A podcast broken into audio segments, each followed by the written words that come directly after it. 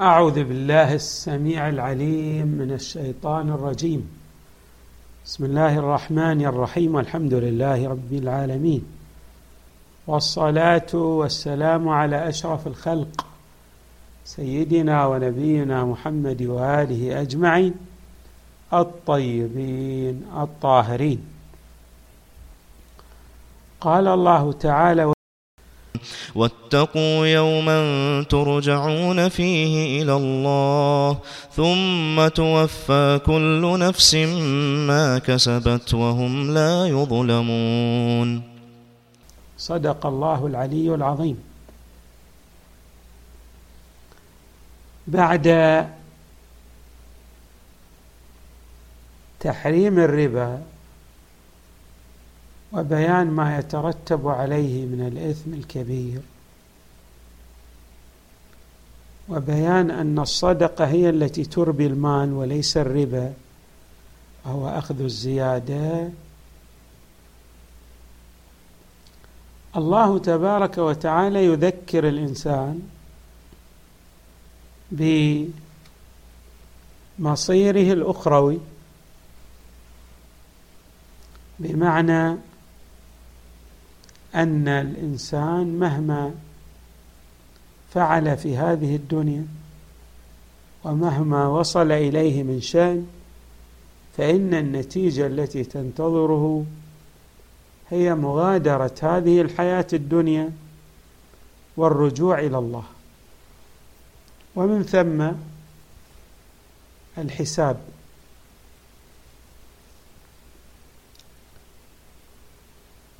بمعنى أنه سيجد جميع الأعمال التي قدمها بين يديه في كتاب لا يغادر صغيرة وكبيرة فعليه أن يفكر في ذلك اليوم. لئلا يؤخذ على غرة كما نعبر. يعني يقول لا أدري أنه كان هناك المصير الأسود الذي سينتظرني. الأمر ليس كذلك. هناك تنبيهات وتذكرة من عند الله تبارك وتعالى في كل الكتب السماوية وبالخصوص في القرآن الكريم باهميه الالتفات إلى يوم المعاد يوم الرجوع إلى الله إلى يوم القيامة. والإنسان إذا لم يذكر بيوم القيامة يغفل يغفل عن الحساب ويظن أن الدنيا التي يعيشها هي دنيا خالدة. فيحتاج أن يذكر نفسه دائما بانتهاء هذه الحياة الدنيا.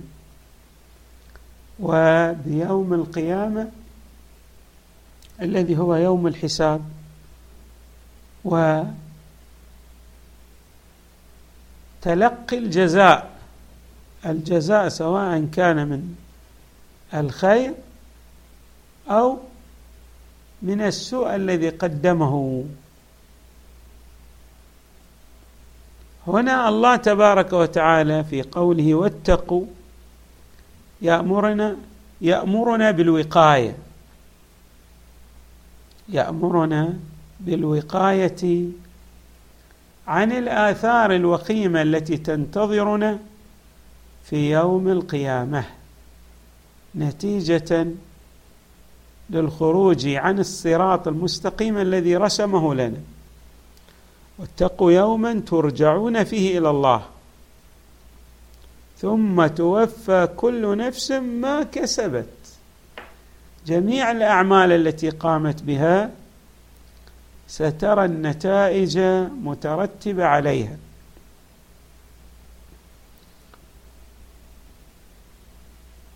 ويقال إن هذه الآية المباركة أيضا أيضا من الآيات الدالة على تجسد الأعمال.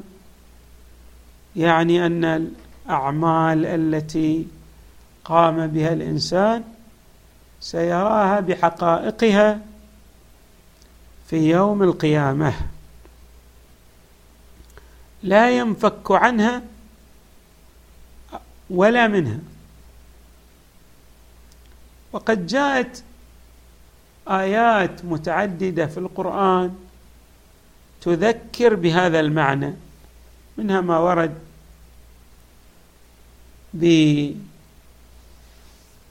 بشكل موعظة إذا صح التعبير في سورة الزلزلة فمن يعمل مثقال ذرة خيرا يره ومن يعمل مثقال ذرة شرا يره.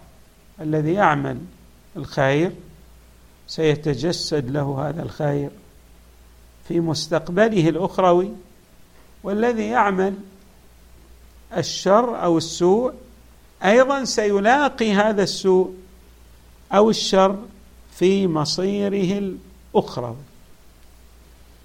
وطبعا الله عندما يحذرنا ذلك ترجع المصلحة إلى أنفسنا. هذا من باب اللطف والتذكير. الله أرسل الرسل وبعث الأنبياء ليذكروا الناس بعالم الآخرة وبأن ما يقوم به الإنسان في هذه الحياة الدنيا إما أن يرجع عليه بالخير في مستقبله الأخروي أو يرجع عليه بالسوء. لا مفر ولا محيد عن ذلك. اتقوا يوما ترجعون فيه إلى الله. ترجعون فيه إلى الله. هذا الرجوع إلى الله أمر قهري. يعني لا أحد يستطيع أن يقول لا أريد أن أرجع إلى الله. كل نفس ذائقة الموت.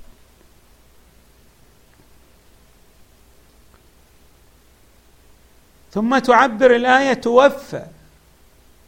يعني تعطى كامله ما زرعته. تحصد في يوم القيامة ما زرعته في هذه الدنيا. توفى كل نفس ما كسبت. هل هذا يعني أن الله تبارك وتعالى يظلم هذا العبد. إذا جمع له العمل لا. الجزاء في يوم القيامة قانون إلهي. من ضمن القوانين الكونية التي تشمل مفردات عالم الوجود. الدنيوي والأخروي. نعم. هناك ألطاف خاصة في يوم القيامة كالشفاعة. قد يحصل عليها الإنسان بإذن الله تبارك وتعالى لكن هذا ليس بمضمون كما نعبر يعني قد لا يتاح له أن يحصل على الشفاعة نتيجة لموانع قام بها. أعمال تشكل موانع تمنعه عن الحصول على شفاعة الأنبياء والرسل والأوصياء عليهم السلام. المهم أن الله تبارك وتعالى يذكر الإنسان في آيات متعددة أكثر من الفي آية تتحدث عن مسألة المعاد والآخرة وما يترتب من الجزاء أي أن القسم الأعظم فيما جاء في الذكر الحكيم يتحدث عن عالم الآخرة لأنه هو العالم الحقيقي الذي سيؤول إليه مصير الإنسان. وهذا العالم الحقيقي يحتاج إلى عمل جاد على وفق المقاييس الإلهية كي يحصل الإنسان على رضوان الله تبارك وتعالى وعلى مثوبته. وإذا لم يفعل ذلك هو ليس فقط يخسر الدنيا بل يخسر يعني يخسر الوجود المؤقت فقط لا ولكنه سيخسر وجوده الدائم الذي يرتبط بعالم الآخرة. فهذه الآية واتقوا يوما ترجعون فيه إلى الله ثم توفى كل نفس ما كسبت وهم لا يظلمون. تبين هذه المعادلة التي قلنا إنها قانون إلهي من ضمن القوانين. لكن هذا لا يعني أن الله سيظلم هذا الإنسان لا.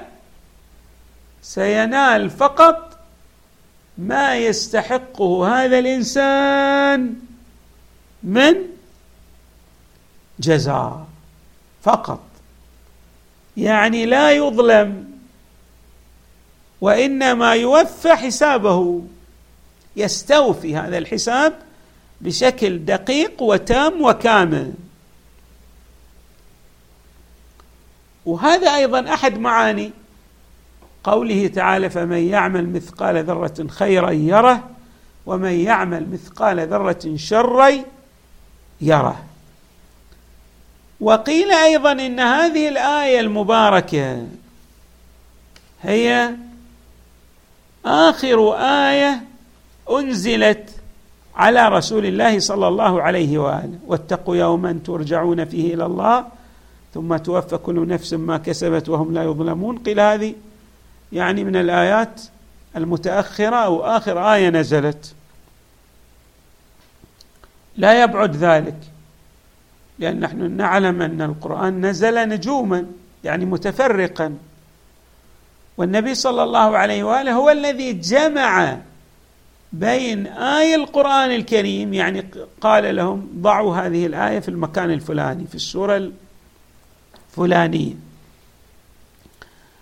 جمعا لأن الله تبارك وتعالى يريد أن يجمع القرآن بهذه الكيفية التي نقرأ القرآن الكريم بها. المهم أن هذه الآية المباركة عندما يقال إنها نزلت آخر آية هي يعني لا تذكر بما يتعلق باقتراف محظور من المحظورات في واقعة من الوقائع. لا يعني تريد الآية أن تبين أن الإنسان حري به أن يتذكر معاده وأن يعمل لآخرته. يا ليتني قدمت لحياتي. الحياة الحقيقية هي ما ترتبط بعالم الآخرة الذي سيؤول إليه الإنسان شاء أم أبى. فإذا عندما يقال إن هذه الآية نزلت كآخر آية القرآن الكريم في الحقيقة هي تذكر الإنسان بجميع وجملة ما جاء في القرآن الكريم. يعني هي لا تذكره فقط بمسألة حرمة الربا وبمسألة ما يحصل عليه صاحب المال المقرض للمال بالقرض الحسن أو صاحب المال الذي يتصدق به من أجل مرضاه الله. سينال الجزاء على وفق العمل الذي صدر عنه ومنه. نعم. لما تتحدث الآية عن ملاقاه الله تبارك وتعالى والحصول على الجزاء. إما الجزاء الذي يرجع إلى الإنسان بالخير أو الجزاء الذي يرجع إلى هذا الإنسان بالسوء. فهي إذن في معنى في معناها وفي مضمونها لا تختص بالتذكير. الذي يرجع إلى حرمة الربا وما له من الآثار الضارة على الإنسان. بل تذكر الإنسان بجميع وجملة الأحكام الإلهية من ناحية وبالمراقب بالمراقبة الدائمة لما يصدر عنه ومنه من اعمال فاذا الآية لها حيثيات متعددة. نسأل الله تبارك وتعالى أن يجعلنا وإياكم من الذين يذكرون يوم القيامة. لقد جاء في الروايات الكثير عن أهمية ذكر الموت والقيامة وارتباط ذلك بحياة قلب الإنسان المؤمن. الحمد لله رب العالمين. وصلى الله وسلم وزاد وبارك على سيدنا ونبينا محمد وآله أجمعين الطيبين الطاهرين.